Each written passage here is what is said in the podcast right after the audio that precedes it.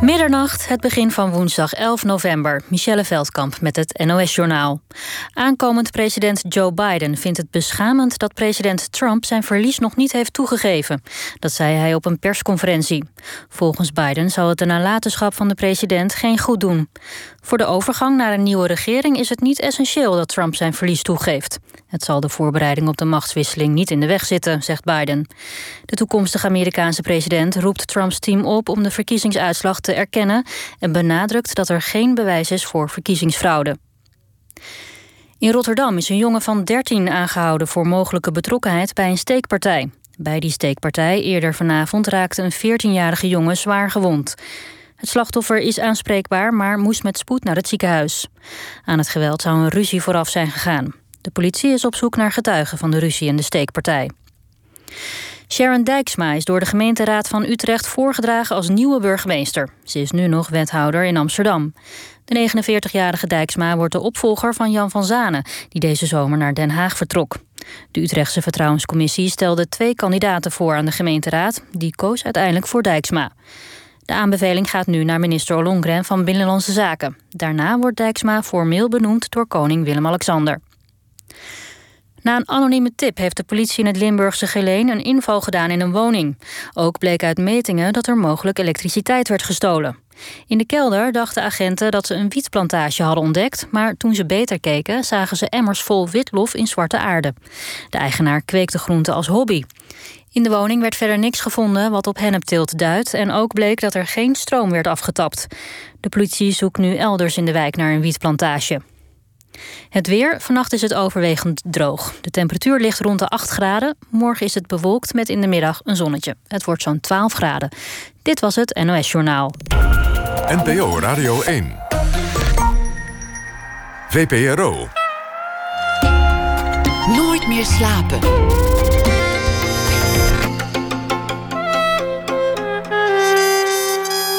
Met Pieter van der Wielen.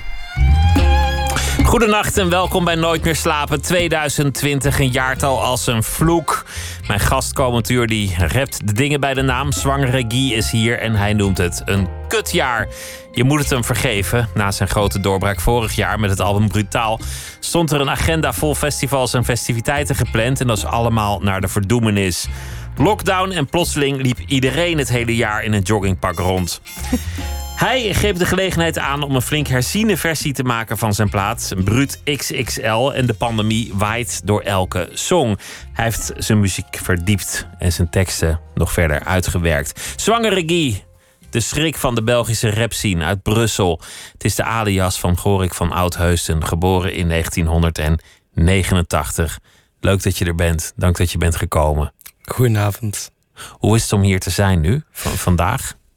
Om weer op pad te zijn? Ik voel me even op vakantie na deze hele periode nu eigen op te sluiten in uw eigen land of in uw eigen stad. In een stad waar ook een uh, avondklok leeft. Raar. Dus ik voel me op vakantie. Dan is het ook een beetje illegaal om dan s'nachts nog op pad te zijn... terwijl je dat in, in, in België zonder geldige reden al best een tijdje niet meer mag. Ja, maar um, ik denk dat ze onze vrijheid ook niet mogen afpakken. Blijkbaar leeft er een regel, of bestaat er een regel dat als je van je werk komt, mag je jezelf nog verplaatsen. Wel, ik heb tegelijkertijd al zeven maanden geen job en tegelijkertijd nog steeds een job. En dat is muziek maken. Dus ik geloof niet in uh, een avondklok die mij gaat zeggen van jij moet thuis zijn. Als ik van de studio kom, dan kan ik doen wat ik wil. Je neemt gewoon de lange weg naar huis of de lange weg naar je werk. Zo, zo kan je er ook wel weer onderuit komen. Exact. Ten slotte. Wat, wat, jij hebt meegemaakt is iets dat in, in de muziek eigenlijk zo weinig gebeurt. Dat je je moment van doorbraak hebt en dan vaak breekt er voor artiesten een periode van twee, drie jaar aan van totale gekte. Mhm. Dat je geleefd wordt door je agenda. En bij jou kwam er na die enorme doorbraak juist een stilte. Ja. Hm. Um, ik denk dat ik niet de enigste ben in, op dat gebied. Maar ik, om het te betrekken op mijzelf, ja, uh, weinig aan te doen. Buiten oplossingen zoeken en terug naar de kern van de zaak te gaan en muziek te maken. Zien wat dat je zelf wilt doen. Voelen wat dat je zelf over nadenkt. En ik ben wel blij dat ik heel creatief ben kunnen blijven. Ik, heb, uh, ik ben niet blijven bij, bij de zakken blijven zitten, of hoe zeg je dat? Wat is bij, bij de pakken neer bij gaan de zitten? pakken neer gaan zitten, dankjewel. Ik ben gewoon blijven doen wat ik wou. En dat is muziek kunnen maken, muziek blijven schrijven. En uh, ja, ik mis de optredens wel. Maar misschien moest dit wel gebeuren. Ik, I don't know. Ik uh, geloof niet uh, in jaartallen. Het is niet dat 2020 mijn jaar ging worden. Het is, ik doe dit levenslang. En als het binnen vijf jaar zo ver is, dan staan we er binnen vijf jaar. En als het binnen vijf jaar om zeep is, dan heb ik pech en dan heb ik waarschijnlijk mijn best niet gedaan. Ik leef met een bepaalde nuchterheid. Ik ben bouwvakker, metser en dakwerker van opleiding. Als jij een muur gaat bouwen en elke laag van die stenen, hè, een steen is 9 centimeter en uw cementlaag is 1 centimeter aan de linkerkant en de rechterkant. En gaat elke laag een millimeter verplaatsen of te veel liggen. Wel, na 1 meter staat die muur rechts een centimeter te hoog. Dan zet je fout bezig. En ik geloof in van details. Het zit hem in de details. Doorzetten, blijven gaan. Opnieuw, opnieuw, opnieuw. De metafoor van een muur bouwen kan je ook emotioneel opvatten. Daar is een uh, zekere band uit de jaren zeventig nog heel erg rijk van geworden. De metafoor van iemand die een emotionele muur om zich heen bouwt om, om zijn jeugdervaringen en zijn kwetsbaarheid daarmee af te schermen. Iets wat, wat jij in je muziek helemaal niet doet. Nee. Je laat al je wonden juist zien. Je laat al je littekens zien. Ja, dat is een vorm van therapie. Hè. Uh, Rap is voor jou een vorm rap. van therapie. Ja, exact. Uh, rappen, teksten schrijven is een vorm. Ja, het is een manier om mezelf te uiten en ook heel eerlijk om te gaan met mezelf. Ik uh, vind mezelf heel vaak terug in uren dezelfde beat op te zetten. Te zoeken naar de juiste woorden. Iets wat ik niet zo snel tegen mijn naaste kan uitleggen. En muziek heelt op dat moment. En mezelf dan nog eens meer te gaan verdiepen in de juiste woorden te vinden. En die dan nog ook eens laten rijmen. Wel, dat is dan is de pure. Ik noem het therapie, ik noem het ook uh, op, tegelijkertijd een vorm van wiskunde en tegelijkertijd een vorm van uh, pure passie. En ja, als alles bij elkaar komt, is het zo, zoiets mooi voor mezelf dan. Hè? Snap je? Als je ja, al die, al die woorden, die klinkers, die. die mm, ik kan het niet goed benoemen, maar. Er zit ook woede in. Het is ook lekker om het af te reageren. Ja, zeker. Um,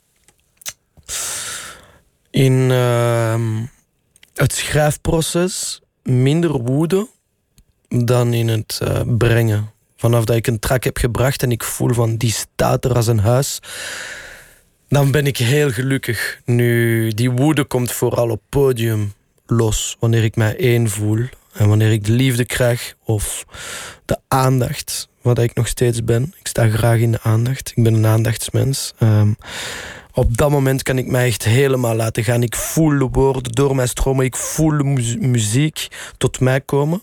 En ik zie dat mensen ook graag horen of meer rappen wat ik rap.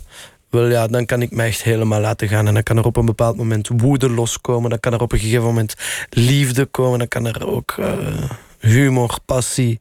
Het is een, uh, een melange, lijkt we in Brussel zeggen. Een mengeling van uh, zoveel ingrediënten die zwangere regie eigenlijk zijn. En dat is een tevreden iemand op uh, podium.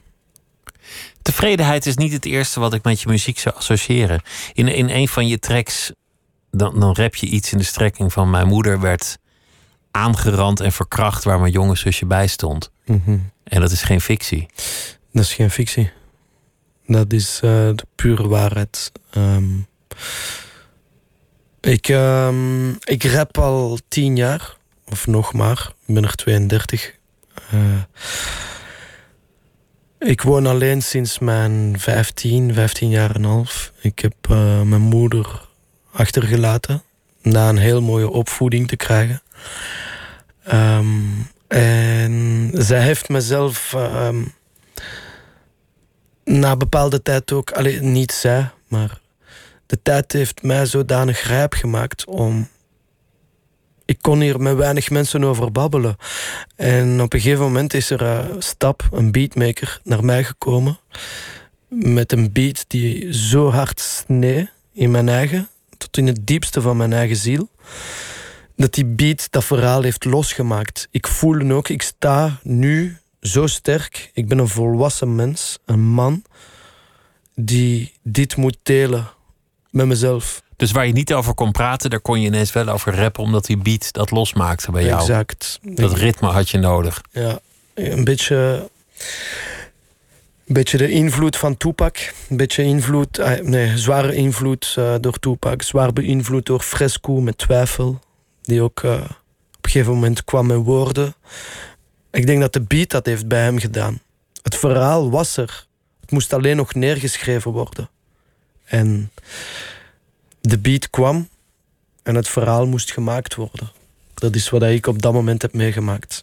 Hoe, hoe, uh, hoe was dat moment dat je, dat je wegging bij je moeder terwijl je wist dat je haar achterliet in een, in een gevaarlijke situatie? In een relatie waarin zij werd mishandeld? Mm, pas op. Op dat moment, op, op het moment dat ik. Eh, pas op, excuseer. Op het moment dat ik ben weggegaan bij mijn moeder, zat ze nog niet in die situatie. Ze was toen van uh, mijn eerste stiefvader. Dus mijn, mijn, mijn ouders zijn gescheiden op hun negen. Op mijn uh, veertien is ze weggegaan van mijn eerste stiefvader. Een goede gast, maar had zelf zijn problemen. Zijn zij, uh, is zij naar een zwaar gemarginaliseerde gast gegaan. Um, dus op dat moment heb ik haar ook niet zo achter. Ik heb haar niet laten vallen. Zij heeft ons laten vallen. Zij ging naar een andere relatie en ja. dat was het moment van de breuk eigenlijk, van de scheuring. Ja. En ze had toen ook niet echt door wat er gaande was. Ze was gewoon bezig met. Ja, ze was verliefd en ik denk dat liefde blind is. Had jij het wel door wat er gaande was? Ik had, ik had door dat uh, die gast een slecht iemand was en dat die gast niet echt. Uh, Kijk, ik ga het in één zin uitleggen. Van de ene dag op de andere moest ik verhuizen. Ik kwam toe in het nieuw huis en ik had geen slaapkamer. En ik moest op de grond slapen. Wel op dat moment, als 14, 15-jarige jongen, heb je al heel snel door. Ik ben geen hond. Ik ben een jongen. Ik ben een man. Fuck off. Ik ben weg. En dan laat je alles rondom je vallen. En dan maak je dat je wegkomt. Ja. Waar, waar ga je dan naartoe? Want, want dan sta je op straat met, met een sporttas met, met wat schone sokken. en en, en waar ga je dan heen? Uh, niet met een sporttas en een paar propere sokken. Zelfs dat niet? Nee, drie vuilzakken met kleren ingepropt. En ik zoek niet naar medelijden. Het waren geen. Nee, maar zo was het. Ja, en toen was je 15 jaar oud. Um, ik heb het geluk en mijn moeder, ik herhaal het, heeft mij een mooie opvoeding gegeven maar is zichzelf verloren geraakt op een bepaald moment. Wel, tijdens die mooie opvoeding heb ik ook de kans gekregen om heel goede vrienden te maken. En op dat moment gaat je naar goede vrienden en vriendinnen. En vraag je, mag ik hier op de bank slapen? Exact. Want ik heb een plek nodig. Exact. Ging je nog naar school in die tijd? Uh, toen wel nog. Mijn vader heeft mij toen ook opgevangen, maar mijn vader, mijn vader woonde verder uit Brussel. Terwijl mijn hele leven uh, zich in Brussel leidde afspeelde, excuseer. Dus uh, ja, bij mijn pa gaan was wel mogelijk. Heb ik ook gedaan. Enkel om de was en de plas te doen. En één keer per week ging ik naar mijn vader. En voor de rest leefde ik bij vrienden en vriendinnen. Je leefde eigenlijk gewoon hier en daar en overal een beetje? Ja, een beetje struggelen. Een beetje drugs verdienen. Een beetje skip, uh, school was geskipt. wat, wat voor drugs deelde je dan en hoe, hoe ging dat? Op dat moment was dat hash en wiet. Simpele dingen. En mensen wisten jou te vinden, dan stond je ergens? Nee, niet zo de ghetto story. Gewoon, uh, ik kocht uh, al het geld dat ik had, kocht ik 100 gram wiet mee en dat verkocht ik door aan de vrienden. En kennissen. En hoe kwam je dan aan, aan dat geld om die 100 gram te kopen? Ik ehm, ben op mijn 15 jaar gestopt met school. In de zin van, uh, ik weet niet hoe jullie dat in Nederland zeggen. Bij ons is dat middelbaar. Ja, bij ons ook. Ah, excuseer. Ja, ik heb al van alles gehoord. Wel, uh, ik ben gestopt met middelbaar. Ik ben overgeschakeld naar leercontract. En dat houdt in vier dagen werken, één dag school. ben ik begonnen als metser en dakwerker, gelijk ik daarnet zei. En ben ik gewoon overgeschakeld naar... Uh, ja, ik ging werken in de bouw, maar ik had maar een loon van 460 euro per maand. En dat was wel uh, 16 dagen werken per maand en 4 dagen school. Ja, daarmee kon ik de huur niet betalen. Niet in Brussel? Mm -mm. Nee, no way. dat, dat gaat je niet lukken. Nee. Maar, maar je, had, je had intussen ook nog een, een zus. Ja. Bleef die bij je moeder achter? Die bleef bij mijn moeder achter. Die heb ik laten zitten. Om het zo... Ah ja. Ja, dat, dat neem ik mij nog steeds. Ja, zij was 11 jaar en ik was 14 jaar, 14, 15. Het is allemaal vaag. Ik neem, had- neem je jezelf dat kwalijk? Want je, je was 14. Ja. Ik was een... Dat, dat lijkt me wel een verzachtende omstandigheid. Ja. Ehm. Ik denk dat ik er. eh, was ik 16 geweest, had ik ze meegenomen. Ik Dan, was dan 14. had je je over je zusje ontfermd. Ja. Maar dan was het verhaal helemaal anders geweest, weer al. Wat jij rept, dat, dat, dat, je, dat je moeder in een zeer ongezonde relatie verzandt en mishandeld wordt en misbruikt wordt. En dat jouw zusje daar getuige van is. Wat, wat voor jou ontzettend pijnlijk is, wat, wat een litteken is. Hoe, hoe, hoe heb je dat meegekregen? Via mijn zus. Zij vertelde jou dat. Zij vertelde mij dat. Heb Later, later of, of op dat moment later, zelf? Later. Ehm, mijn vader heeft ook een heel mooie en belangrijke rol gespeeld op een gegeven moment. Ehm, mijn zus heeft daar nog drie jaar gewoond. Dus op de leeftijd dat ik ben weggegaan, 14. Wel, toen zij 14 was, stond zij ook zo in haar schoenen. Zij is heel intelligent. Was niet like mij. En ik bedoel daarmee, eh, op school ging alles beter. Zij heeft een heel fotografisch geheugen. Ze kan heel goed volgen. Sterke vrouw. Ehm babbelden wij. Hè, deden was in de plas nog bij mijn vader. En eh, is mijn zus bij mijn papa gaan wonen. Ver buiten Brussel. En is zus beginnen pendelen. Dagelijks een uur en een half. En daar zijn verhalen gevallen. Daar zijn, zijn dingen naar boven gekomen. En toen kwam jij erachter wat er intussen in jouw afwezigheid zich had voorgedaan. Daar. Ja, exact. Hoe, hoe heeft je moeder zich gered uiteindelijk? Eh, niet. Ik heb haar gered. Ik heb eh, op mijn 21 jaar, na zij zeven jaar met die eh, mislukking, slash rantebiel, slash marginale individu was, ehm, heb ik mijn moeder daar weggehaald. Ik was toen op dat moment, op mijn 21, echt een volwassen man. Ik werkte al zes, zeven jaar in de bouw. Ik, had mijn, ik verdiende mijn geld, ik was zelfstandig. Ik had mijn eigen huis, appartement dat ik huurde. Ehm, ik zag mijn moeder kapotgeslagen. Op een nieuwjaar. Ehm, nieuwjaarsdag. Dat was de enigste feestdag dat we elkaar nog eens zagen. En haar tand was eh, kapotgeslagen en eh, ze had ook een eh, gebroken arm en een blauw oog. Op dat moment ben, eh, is er iets in mij wakker. ah, ik, ik had mijn moeder nog nooit zo gezien. Heb ik echt gezegd van kijk, als dit nog gebeurt. Zij zei dat de kast op haar was gevallen. Ik heb haar gewoon duidelijk gemaakt. Als, dit nog eens, als ik dit nog eens zie, dan belt jij met mij. En dan kom ik die kerel halen. Of dan kom ik u weghalen. Ik ga niet mijn leven opgeven voor een marginaal iemand. Ik ga die gast niet afknallen. Ik heb, me, ik heb mezelf altijd hoger gesteld als zo'n rantebiel. Als zo'n mislukking van de maatschappij. Want je moet niet vergeten, je wordt niet zomaar iemand. Waarschijnlijk heeft Hij heeft ook zijn verhaal, waarschijnlijk. Exact. Dus ik heb me daarboven gezet. En ik heb mijn moeder beloofd, vanaf dit nog eens gebeurt, dan haal ik u weg. Ik heb haar weggehaald drie maand later. Ik denk maart of april 2000. I don't know. Who gives a fuck? Dat is het verleden. We gaan daarna ook over naar het nu. Hè? Want deze is Het doet pijn hè, om erover te praten, toch nog. ja, eh, kijk, ik heb deze hoofdstuk al lang afgesloten, maar ik ben bereid om daarover te babbelen. Ik heb mijn moeder beloofd, dit stopt. Ja? Een vrouw wordt niet geslagen. Een vrouw wordt niet mishandeld. En als zoiets gebeurt, dan haal ik u weg. En Je verbeeldt, je verbeeldt het hoofdstuk in een van je clips. Althans, ik denk dat het daarover gaat. waarin een bokser trots op zijn overwinning een, een vrouw, een weerloze vrouw, tot moes slaat. Tot bloedens toe. Exact. En uiteindelijk als een soort kampioen in de ring met zijn armen omhoog staat, trots te zijn. En jij zit vastgebonden op een stoel met je ogen opengetrokken door anderen, gedwongen om toe te kijken. Als dit, als dit zo pijnlijk voor je is, lijkt het me moeilijk om dat op die manier te verbeelden. Om daar een clip van te maken, die, die ook nog zo direct is. Ja, ehm. ja, het is niet om mee te lachen, maar ik werk dan ook met een paar heel zotte regisseurs. Die gewoon met zo'n idee komen van we gaan jouw grootste trauma gewoon helemaal opnieuw doen en we gaan het volkomen opblazen. Volledig. We gaan er, we gaan er een karikatuur van maken. Exact. We gaan die man belachelijk laten worden.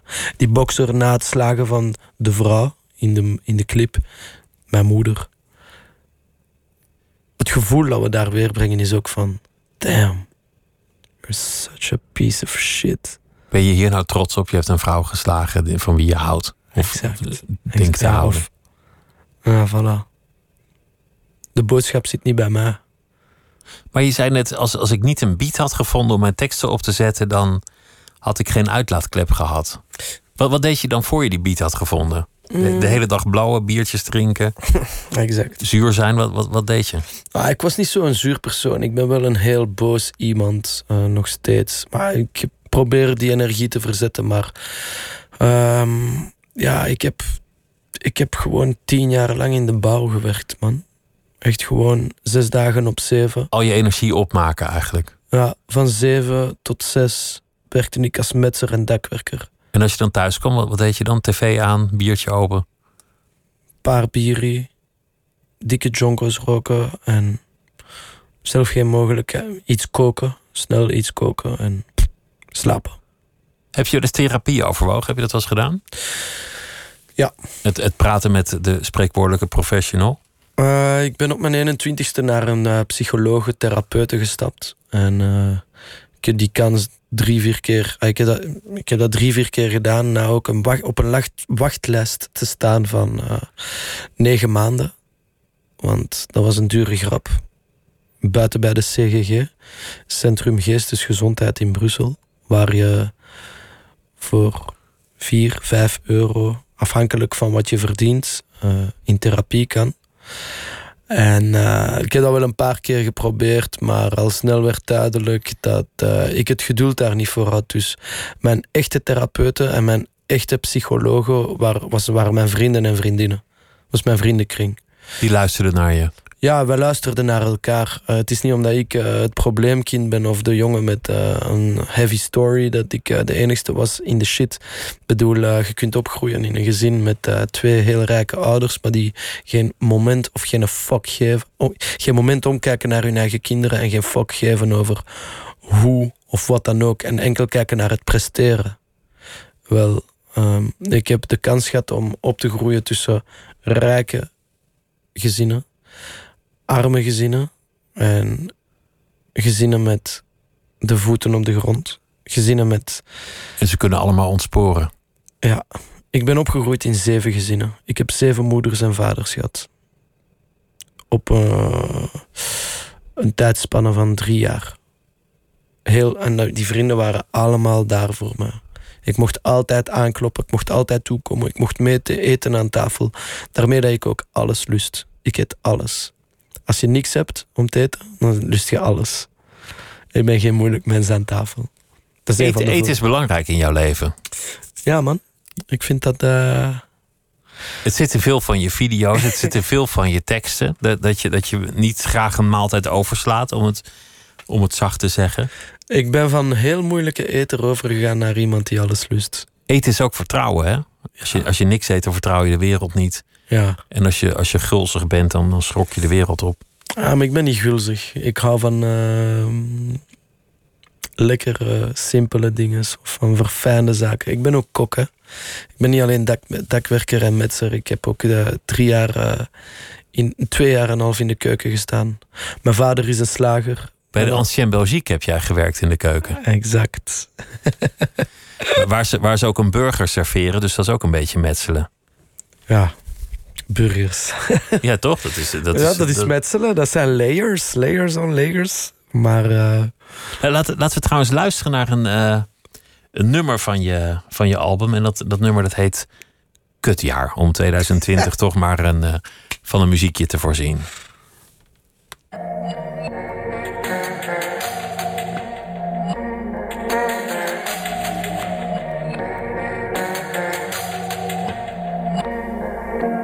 Fuck it, als het dondert in mijn kop, dan weet ik dat het weer eens laat wordt. Mijn dame ziet mij amper, zit op zolder of ik slaap nog. Grijp weer naar de fles, zorg dat niemand er nog aankomt. Scheid aan 2020, want ik weet dat het nog zwaar wordt. Rennen voor de cake in de cultuur wordt nooit gestaakt. Rol zelf mijn eigen deeg, al wordt er vaak te zwaar bespaard. Veel problemen naar mijn hoofd. Nummer 1, dat is de staat. Nummer 2, dat ben ik zelf, want maak mijn eigen vaak te kwaad. Consequent zijn met mezelf, want wil cheddar op mijn brood. Nu leef ik zonder perspectief, maar heb honger in veel shows te zeggen Goor. Ik het komt goed, maar zit mijn shit dan in mijn hoofd. Niemand snapt wat ik bedoel, want krijg mijn eigen niet verwoord Nee, waar gaat dit heen? Gaan? Zie mensen rond zich heen slaan? Wild en roekeloos omdat ze solo of alleen staan. Elk mens is breekbaar, ik spreek niet als ik weet waar. Ik heen ga voor een heel jaar, maak 2020 leefbaar. Ik weet niet goed waar dat ik sta of nu naartoe ga. Mijn eigen chef, maar ik blijf werken als een ploegbaas. Ben niet op zoek naar een excuus of naar een soelaas. Maar shit is koud, ijskoud als in de toendra's Rennen kan niet stilstaan, ik ben altijd onderweg. Ben niet bezig met de top, nee ik verzet mijn eigen berg. Het pad dat ik bewandeld ligt verlaten en niet recht. Ben niet bezig met verraadjes, ik ben bezig met iets echt. Sta mij toe niets te beloven, ik doe enkel wat ik kan. Heb de tools en het vermogen van een klasse ambachtsman. Ik kan zoeken naar mijn woorden of kan zoeken naar een plan. Heb een doelwit voor mijn ogen, ben volledig in de ban van. Alles wat dat echt is, geen fictie van op Netflix. Niet bezig met vakantie, pas tevreden als er werk is. Zet alles in de verf, net vergelijk je nik en vernis. Je weet dat ik aanwezig ben vanaf die shit pas echt is. Ik weet niet goed waar dat ik sta of nu naartoe ga. Mijn eigen chef, maar ik blijf werken als een ploegbaas. Ben niet op zoek naar een excuus of naar een soelaas. Maar shit is koud, ijskoud als in de toendra's Hoe dan, wat dan, zeg mij wat er valt te doen. Mijn halve crew zit zonder job en we begrijpen het niet goed. Geven de helft af aan de staat, toch blijven freelancers taboe Besef wij leven voor die shit, maar dit gedoe dat maakt ons moe Elke DJ, elke zaal, muzikant of ingenieur Al de mensen achter schermen, de actrices of acteurs Danseressen, fotografen, de techniekers of monteur Tijd dat alles nu terugkomt, iets laat in op ons humeur Fucking kutjaar Ik weet het, Kit, ik weet het. Wat kunnen wij doen? Wat moeten wij doen? Wachten. Ja, wachten. Wachten. Ik vind, ik vind dat ze ons vergeten, man. Is dat zo erg dat ze u vergeten? Nee, man. Al mijn copains, al mijn kopinen. Die, die worden zot. Die hebben geen werk. Copains, kopinen. Dat is lief dat je daaraan denkt. En wat, wat met al die muzikanten? De danseressen, dansers, acteurs, actrices, de DJ's. Je, je moet niet zagen, je hebt weer een gouden plak.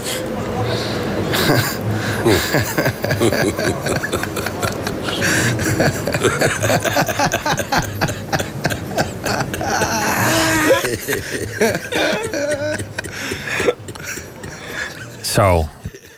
En zo werd er toch een lichtpunt gevonden in het, uh, in het kutjaar 2020. Zwangere Guy zit tegenover mij. En dit komt van uh, zijn nieuwe album. En dat is een herziene versie van het album van vorig jaar. Een flink herziene versie van het album. Hij graaft dieper.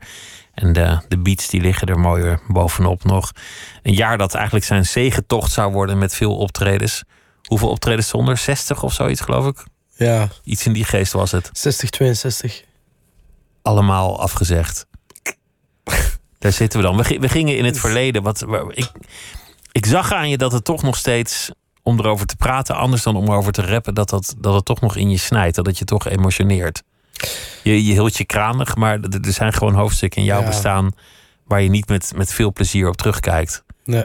En dat is, dat is, nou ja, je hele gang, het huis uit, de wereld in. eh, een, een moeder vastzittend in een, in een eh, slechte relatie waarin ze mishandeld wordt door een man. Over wie je in weinig vleiende termen sprak. En dat begrijp ik natuurlijk ook. Maar uiteindelijk heeft de beat je gered. Zou, zou je gewoon heel eenvoudig kunnen stellen. Ja, dat kan ik echt wel be beamen. De wereld lag aan mijn voeten met wat ik had geschreven. Ik heb op negen maanden tijd twee albums uitgebracht. Ehm, ik stond klaar om deze allemaal te brengen. Ik heb ook uh, hart en ziel erin gestoken. Ik denk dat heel veel muzikanten ook doen. We maken niet zomaar een beetje popmuziek. Uh, niks tegen popmuziek. Ik bedoel daarmee op een gegeven moment komt die muziek uit en smijt je dat de wereld in. Wel, ik ben geen studioartiest. Ik ben ook niet uh, iemand die makkelijk beluisterbaar is, maar ik ben gemaakt voor op een podium te staan. Als ik op het podium kom, dan merk je dat elke vierkante centimeter van mij is.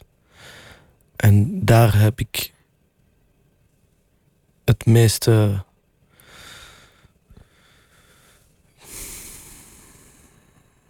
Daar heb ik echt. Uh, dat is het enigste dat ik mis. Ik heb nooit aan mijn verhaal op een podium te brengen. Ik heb nooit aan fouten te maken. Ik maak, ik maak precies geen fouten meer. Ik maak een nieuw nummer, ik smijt het online op Spotify en ik moet iets delen op Instagram of op, op Facebook, uh, wat nog, voor wat dat dan nog staat.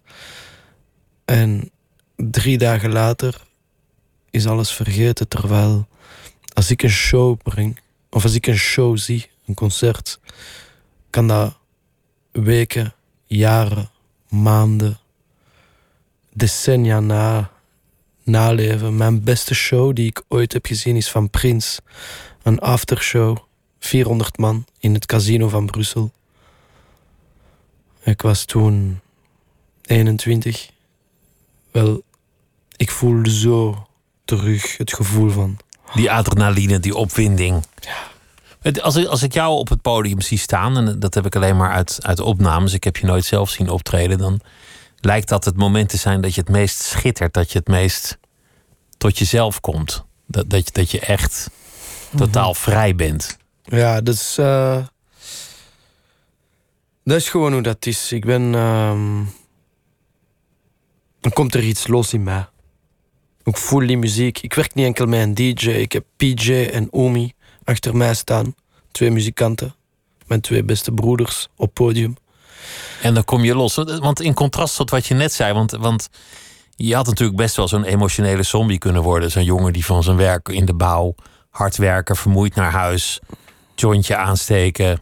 Ja. Zes duveltjes wegknallen, tv kijken. En gaan slapen, weer wakker worden, jezelf er doorheen slepen. Oh my god, ben ik niet voor. van die mooi gemetselde hamburgers wegeten en, en zo je leven voorbij laten gaan omdat je niet kan praten of, of je niet kan uiten of wat dan ook. Omdat de therapie niet is gelukt en, en zomaar doorgaan met je littekens, je wonden, je trauma's. Daarvoor ben ik niet gemaakt.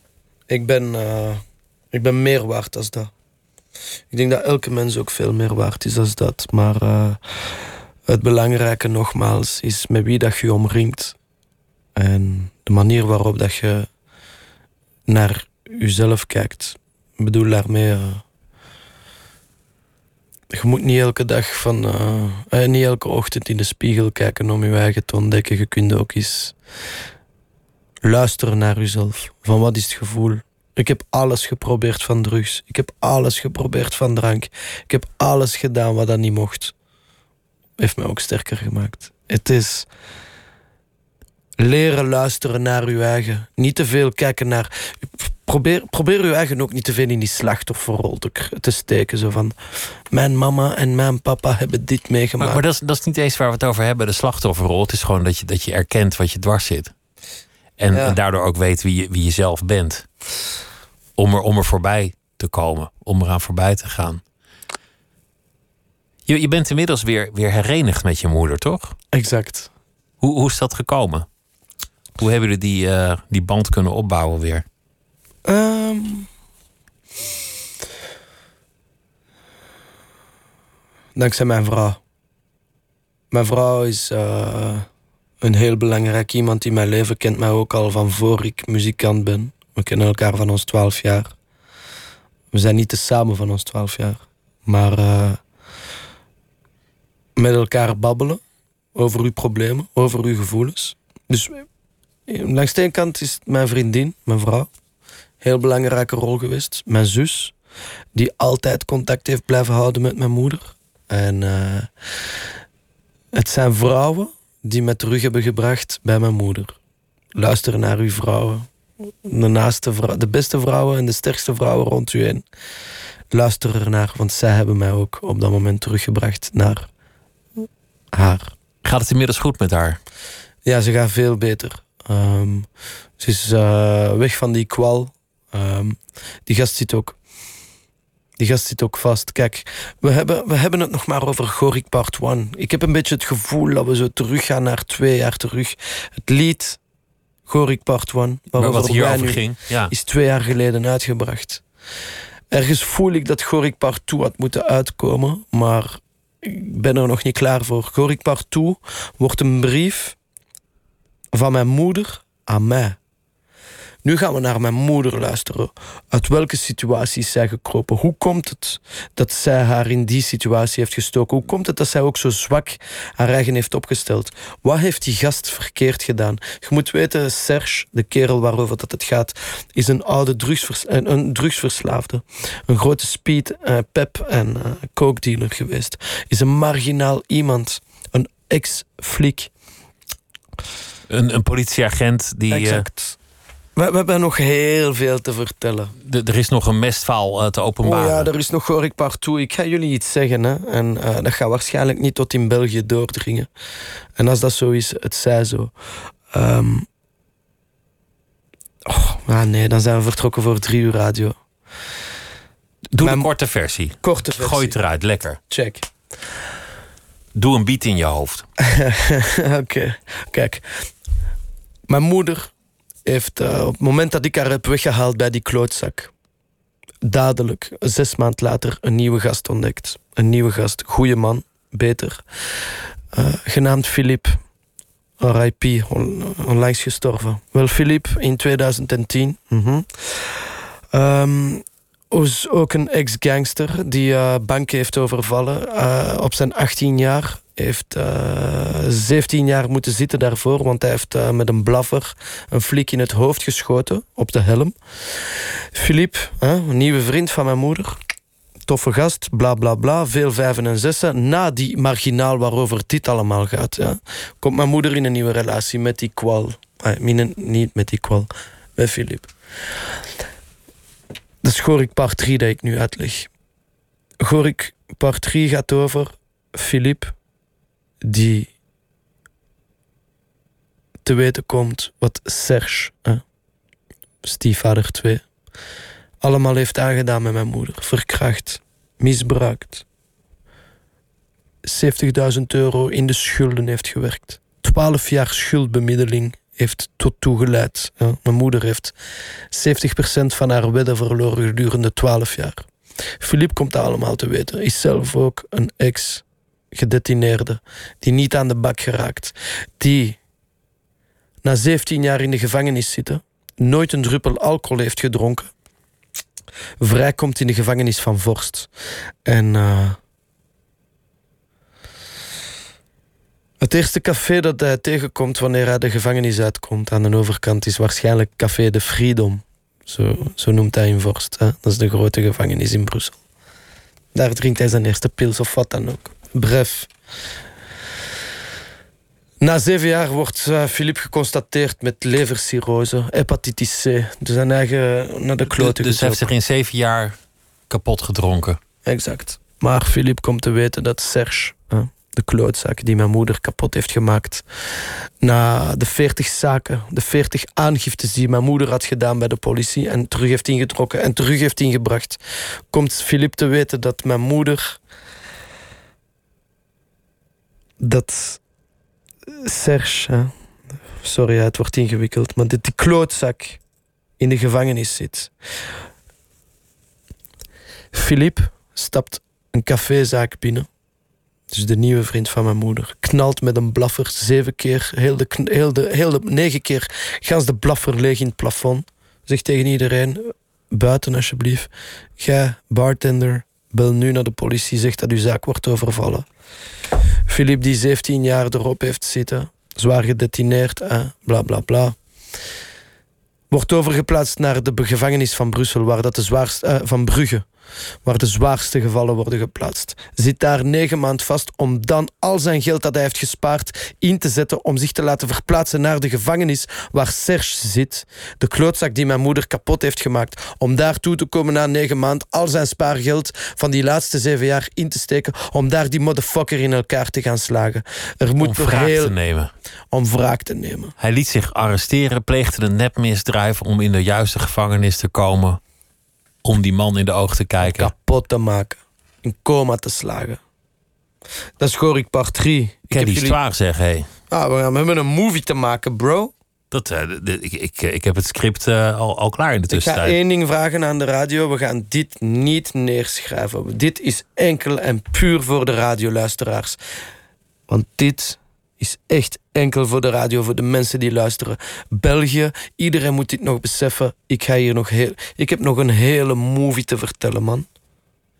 En, en nee, movie, sorry. Ik heb nog een heel verhaal. Een boek. Philippe is gestorven onlangs. Ik hoop dat het beter gaat met hem waar dat hij nu ook is. Het is zijn eigen fout ook. Maar ik keer terug naar wat ik ook over die andere kwal zei. Iedereen heeft zijn verhaal, man. Maar je maakt het allemaal zelf. We hadden, we hadden het over, over 2020 als, als, eh, als annus horribilis, zoals mensen dat noemen. Maar, maar misschien moeten we het ook niet zo noemen. Want, want Annus ook- horribilis, dat is Latijns. Of Ja, klinkt zoiets. op uh, année terrible. Dat is Ik- in ik dacht- Frans. Ja, année terrible. Maar het, het is natuurlijk ook een jaar van, van bezinning, waarin mensen wendingen nemen in hun leven. Mhm. En het is ook een, een jaar van positieve dingen die uiteindelijk eruit voort zullen komen. Inzichten, op zijn minst. Mensen die hun leven opnieuw gaan inrichten. Veel diepere creativiteit. Bijvoorbeeld, zoals, zoals in jouw geval. Wa- Wat jij zei van ik vond een beat en toen had ik ineens een manier om mij te uiten. Mhm. Waardoor je bent geworden wie je nu bent. Waardoor Ja. je nu succesvol bent. Waardoor je nu je verhaal kan vertellen op een manier die productief is. Jouw, jouw invloeden, dat vind ik wel interessant. Want ik heb, ik heb gelezen dat jij bijvoorbeeld al- als jongeman luisterde naar Black Sabbath. Exact. En dat vind ik wel grappig. Dat is de kern van de rock'n'roll. Mm. Een leven in, in de fabriek en dan uiteindelijk pak je s'avonds je gitaar en je maakt er wat van. Ja, de diepe blues. Reggae, dub, krautrock. Echt, eh, krautrock. eh, Krautrock. like- like Ken. eh, Holger Kshukai. Ehm, he- he- heel hard mee opgegroeid. Ehm, heel veel jazz. Van een Chet Baker naar eh, Cannonball Adderley en zijn broers. Net. Exact. King Cole. Ehm, Net Adderley, net King Cole, alle- alles met net is goed. Ja, man. Naar heel veel van die muzieksoorten. Ik voel daar zo. ah, Detroit House, Chicago House. We waren er net in de wandelgang en in de lift naar boven erover bezig. Is ontstaan uit niets. Of uit het niets hebben iets van maken. En dat is nog steeds eh, essentie van de zaak. Of, nee, niet eens de zaak. Ehm, Zullen we luisteren naar een stukje Black Sabbath? Gewoon, gewoon een fragment om eventjes, eh, ja, graag. om, om eventjes iedereen eh, een goede nachtrust toe te wensen. Thank you.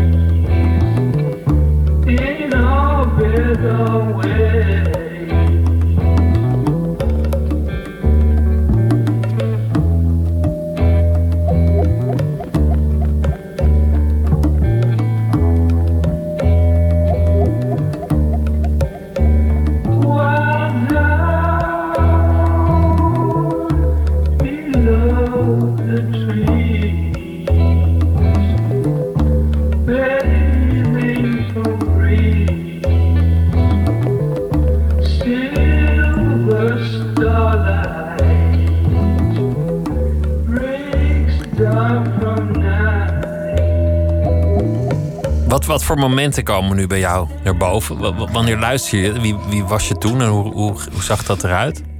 Eh, toen ik dit ontdekte, Ja, toen, je- toen je dit luisterde, ik kan me zo voorstellen dat dat, dat in een bepaalde staat wordt genoten. een vorm van meditatie. Helemaal alleen zijn. Eh, ergens op vakantie in Nicaragua of eh, in de wildernis in Afrika. Ik heb eh, veel gereisd alleen en met vrienden of vriendinnen naar eh, Afrika. Dan is dit voor mij wanneer dat je naar de, de sky kijkt. Ik heb net een beetje bushweed gerookt of een beetje een lekker glaasje wijn of wat dan ook. Of niks. Gewoon niks, niks, niks. Buiten dan toch nog die sound kunnen afspelen via een simpele gsm. Deze is voor mij eh, out there. Zo. Weg van de stad. We, we, hebben het gehad over, over kwetsbaarheid en, en over eh, nou ja, hoe, hoe je toch op, op een heel zachtaardige manier bij jezelf bent gekomen. Maar in je clips is eigenlijk weinig zachtaardig. Mhm. je, je, je bent in die zin ook het enfant terrible van de Belgische rap. Omdat je in je, in je clips graag schopt tegen alles wat, Rechts is. wat geaccepteerd en, en, en zedelijk is. Ja. In een van je laatste video's komt, komt eerst Adolf Hitler voorbij. En vervolgens, eh, eh, nou ja, we, we hebben het gehad over de, de bokscène. Ja. Waarin je spreekwoordelijke moeder wordt. eh, Pas op, Adolf Hitler komt voor in mijn scene, maar wordt ge- vergeleken met een eh, rechtse politicus. die zegt stop met de muziek nu. Zet die plaat af, ja. Dat is gelinkt aan Bart de Wever van de NVA. Ehm, ja, ik vergelijk hem niet met een nazi, maar tegelijkertijd hebben zij heel, heel vuile rechtse kanten. Nee, ze zijn een rechtse partij. Maar dat is een soort provocatie. Er is ook een scène waarin, waarin een orgie overhoop wordt geschoten. Seks en geweld, dwars door elkaar. Het- wordt helemaal volgespoten. Vol. Met sperma. Ik lag ook graag met mezelf. Ik ben ook niet... Het, het mag er dik bovenop liggen bij jou. Ja, ja, ja. Maar ik, heb ook, ik, ik blijf het herhalen. Ik heb ook een paar eh, halve gare vrienden naast mij staan. En wij- als wij een idee hebben, we gaan ervoor en dan doen we het zo. Dat is een van de beste clips ooit. Maar mensen zijn niet klaar daarvoor. Weet je, Mensen waren meer gechoqueerd over de, over de blote borsten dan over het feit dat iedereen werd doodgeschoten. Wat ik eigenlijk ook wel weer dat is weer een raar, hè? geestig inzicht vond. Ja. Ik was gechoqueerd door het feit dat al die parende mensen overhoop werden geknald. Maar Moord, in, in de krant las ik verontwaardiging over de borstjes. Ja, moord en, en wat is het allemaal is oké. Maar een borst of een piemel of een piwi of een worst kan maar worst wezen, daar schrikken ze van. Maar kom. Wat, wat, wat, wat, Beste, wat is de het beste van die clip is dat ik, het beste van die clip is dat ik al die rechtse motherfuckers echt eens duidelijk maak van, hey, jullie zijn hier bezig met een heel zware verdeling. En je kunt links zijn, je kunt rechts zijn, je kunt geloven en je kunt problemen hebben met, maar ik heb een probleem met politiekers die hun eigen niet zijn, die niet weten waarmee dat ze bezig zijn en die verdeling aan het zaaien zijn, die haat, die. Mm. Ik doe daar niet aan mee. Nou, ik doe er eigenlijk wel aan mee, want ik zet er mij tegen af, snap je? Ja, daarom. Dus dat is ook weer verdeling. Ja, exact. Maar ik zet me ook af tegen linkse fucking boomknuffelaars en van die geitenwolle sokken, bosnimfen. Weet je? Ik ben ook geen centrum motherfucker, maar ik haat racisten. En ik krijg het scheid van mensen die verdelen. Woon je dan wel leuk in Brussel als je al dat soort dingen haat? Het lijkt, niet- mij, het lijkt mij een stad vol scheuring. Je kiest niet waar dat je opgroeit, hè? Nee, dat is waar, maar je kan er altijd wegkomen. Exact, maar ik ga er nooit niet weggaan, want ik hou wel van Brussel om een antwoord te geven. Mm, soms zet je heel blij van waar dat je komt.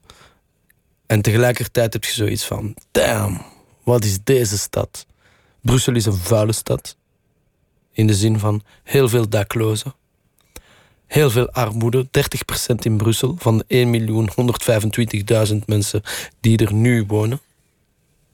Ingeschreven. weliswaar. Groeien 30% dus van onder de armoedegrens op. Mm. Ik ben er graag. Ik ken niks anders. Ik zou ook niet... Het is de enigste stad van België. Daarmee bedoel ik grote stad, oké?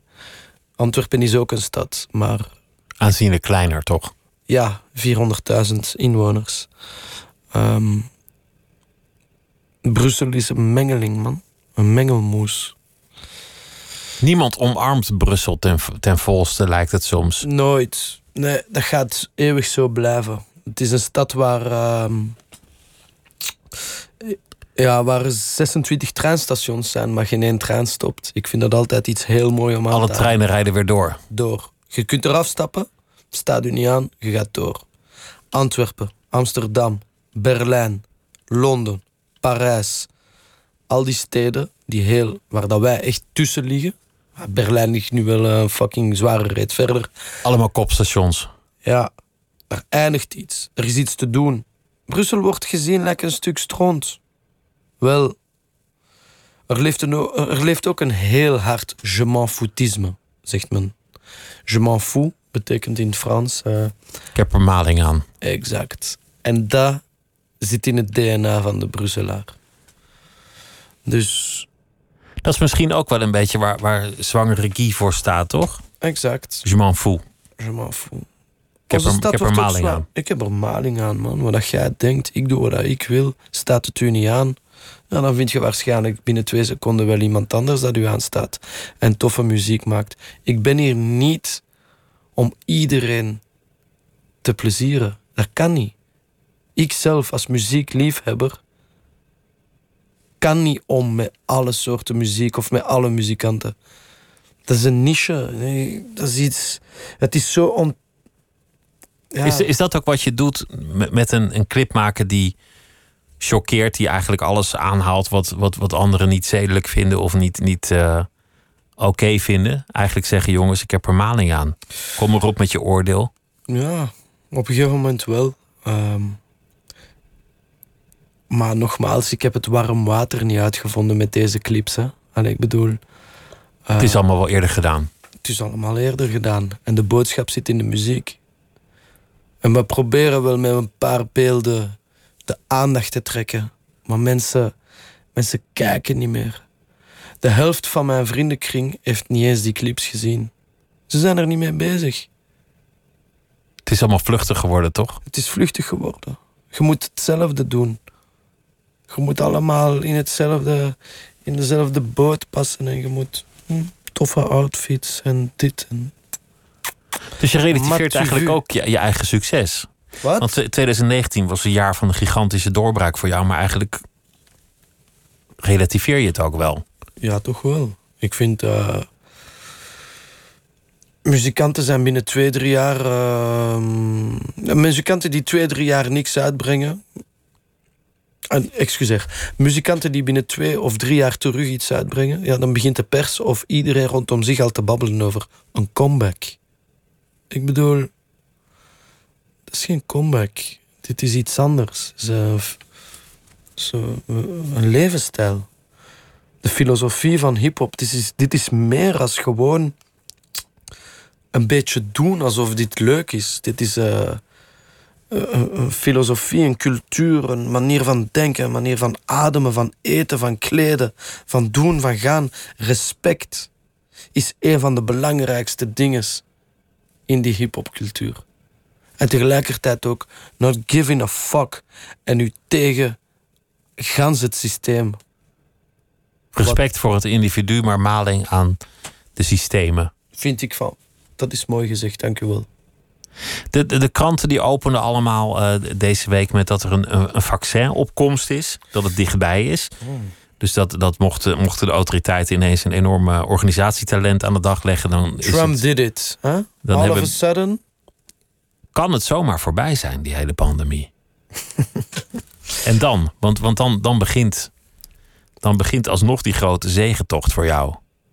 Die, die 60 optredens zullen dan in een andere vorm doorgaan. Dan, dan begint de hectiek weer. Gaat jij het in uw lijf spuiten? Zo- Zo'n vaccinetje? Ja. Ja, ja? Ah, ik heb corona al gehad. Eh, dus ik kan het wel opnieuw hebben. Ik, heb, eh, ik ben positief getest geweest eh, een maand en een half geleden. Dus in, in, in principe denk je, nou, dan kan dit er ook nog wel bij. ik, Eh, ik heb altijd wel mm. vertrouwen in, in dat soort dingen. Ik weet het niet goed, man. Ik heb eh, heel weinig inentingen in mijn leven gehad. Ehm, ik ga mij ook daar niet tegen opzetten. Ik, als, het, als het ons kan helpen, let's go. Maar, maar zelfs als jij het niet doet, dan, dan zal de epidemie op een zeker punt voorbij zijn. Wat, wat, hoe, hoe kijk je daar naar uit? Om dan die- alsnog weer de hectiek in te gaan. Om, om die rust weer te verlaten waar je kunstmatig in terecht was gekomen. Wow. Om weer op podia te staan, om, om weer te, te moeten toeren. Ik kijk er heel hard naar uit. Ik hoop eh, vooral dat iedereen. eh, ik hoop dat dat, dat, dat eh, vaccin kan helpen. Maar ik vind het allemaal wat raar. Amerikaanse verkiezingen zijn voorbij. En de dag daarna is er een vaccin. Ja. Wauw, en dat rijmt ook nog eens. Was dat niet allemaal neergeschreven? Ik ben geen conspiracy guy, hè? Ik ben daar niet mee bezig. Maar is dit niet een beetje georchestreerd? Ik zou het pakken. Als we terug kunnen doen wat we willen. Ik mis mijn familie vastpakken. Ik mis mijn vrienden zien.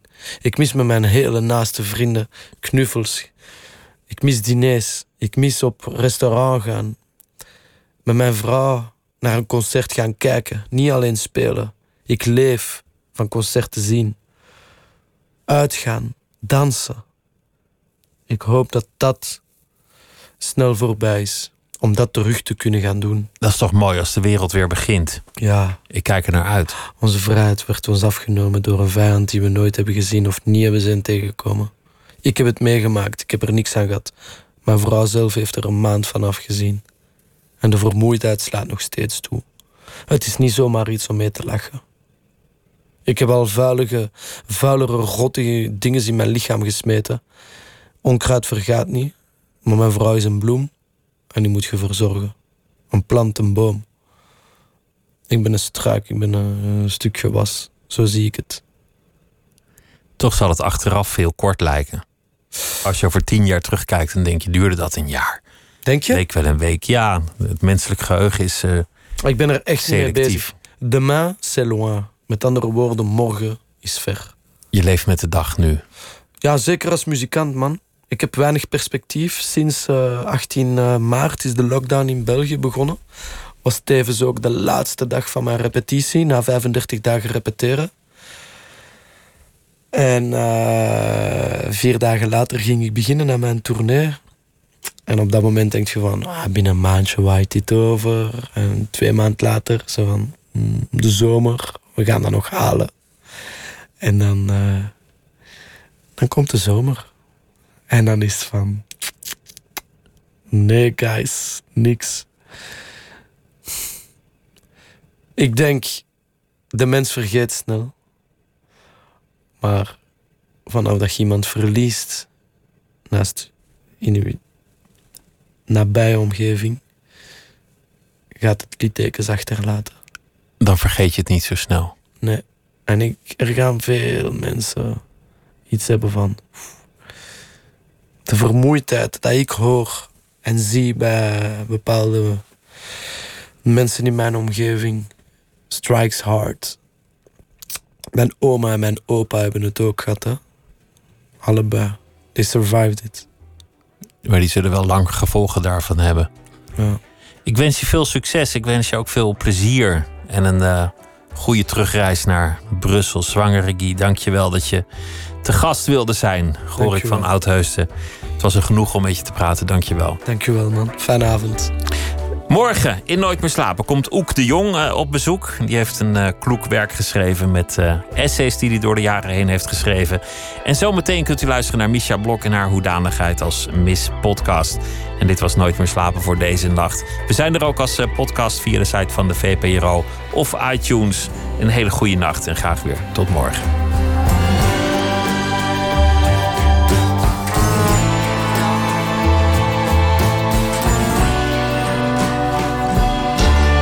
Radio 1.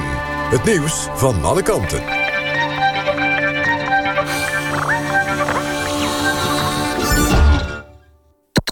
NPO Radio 1.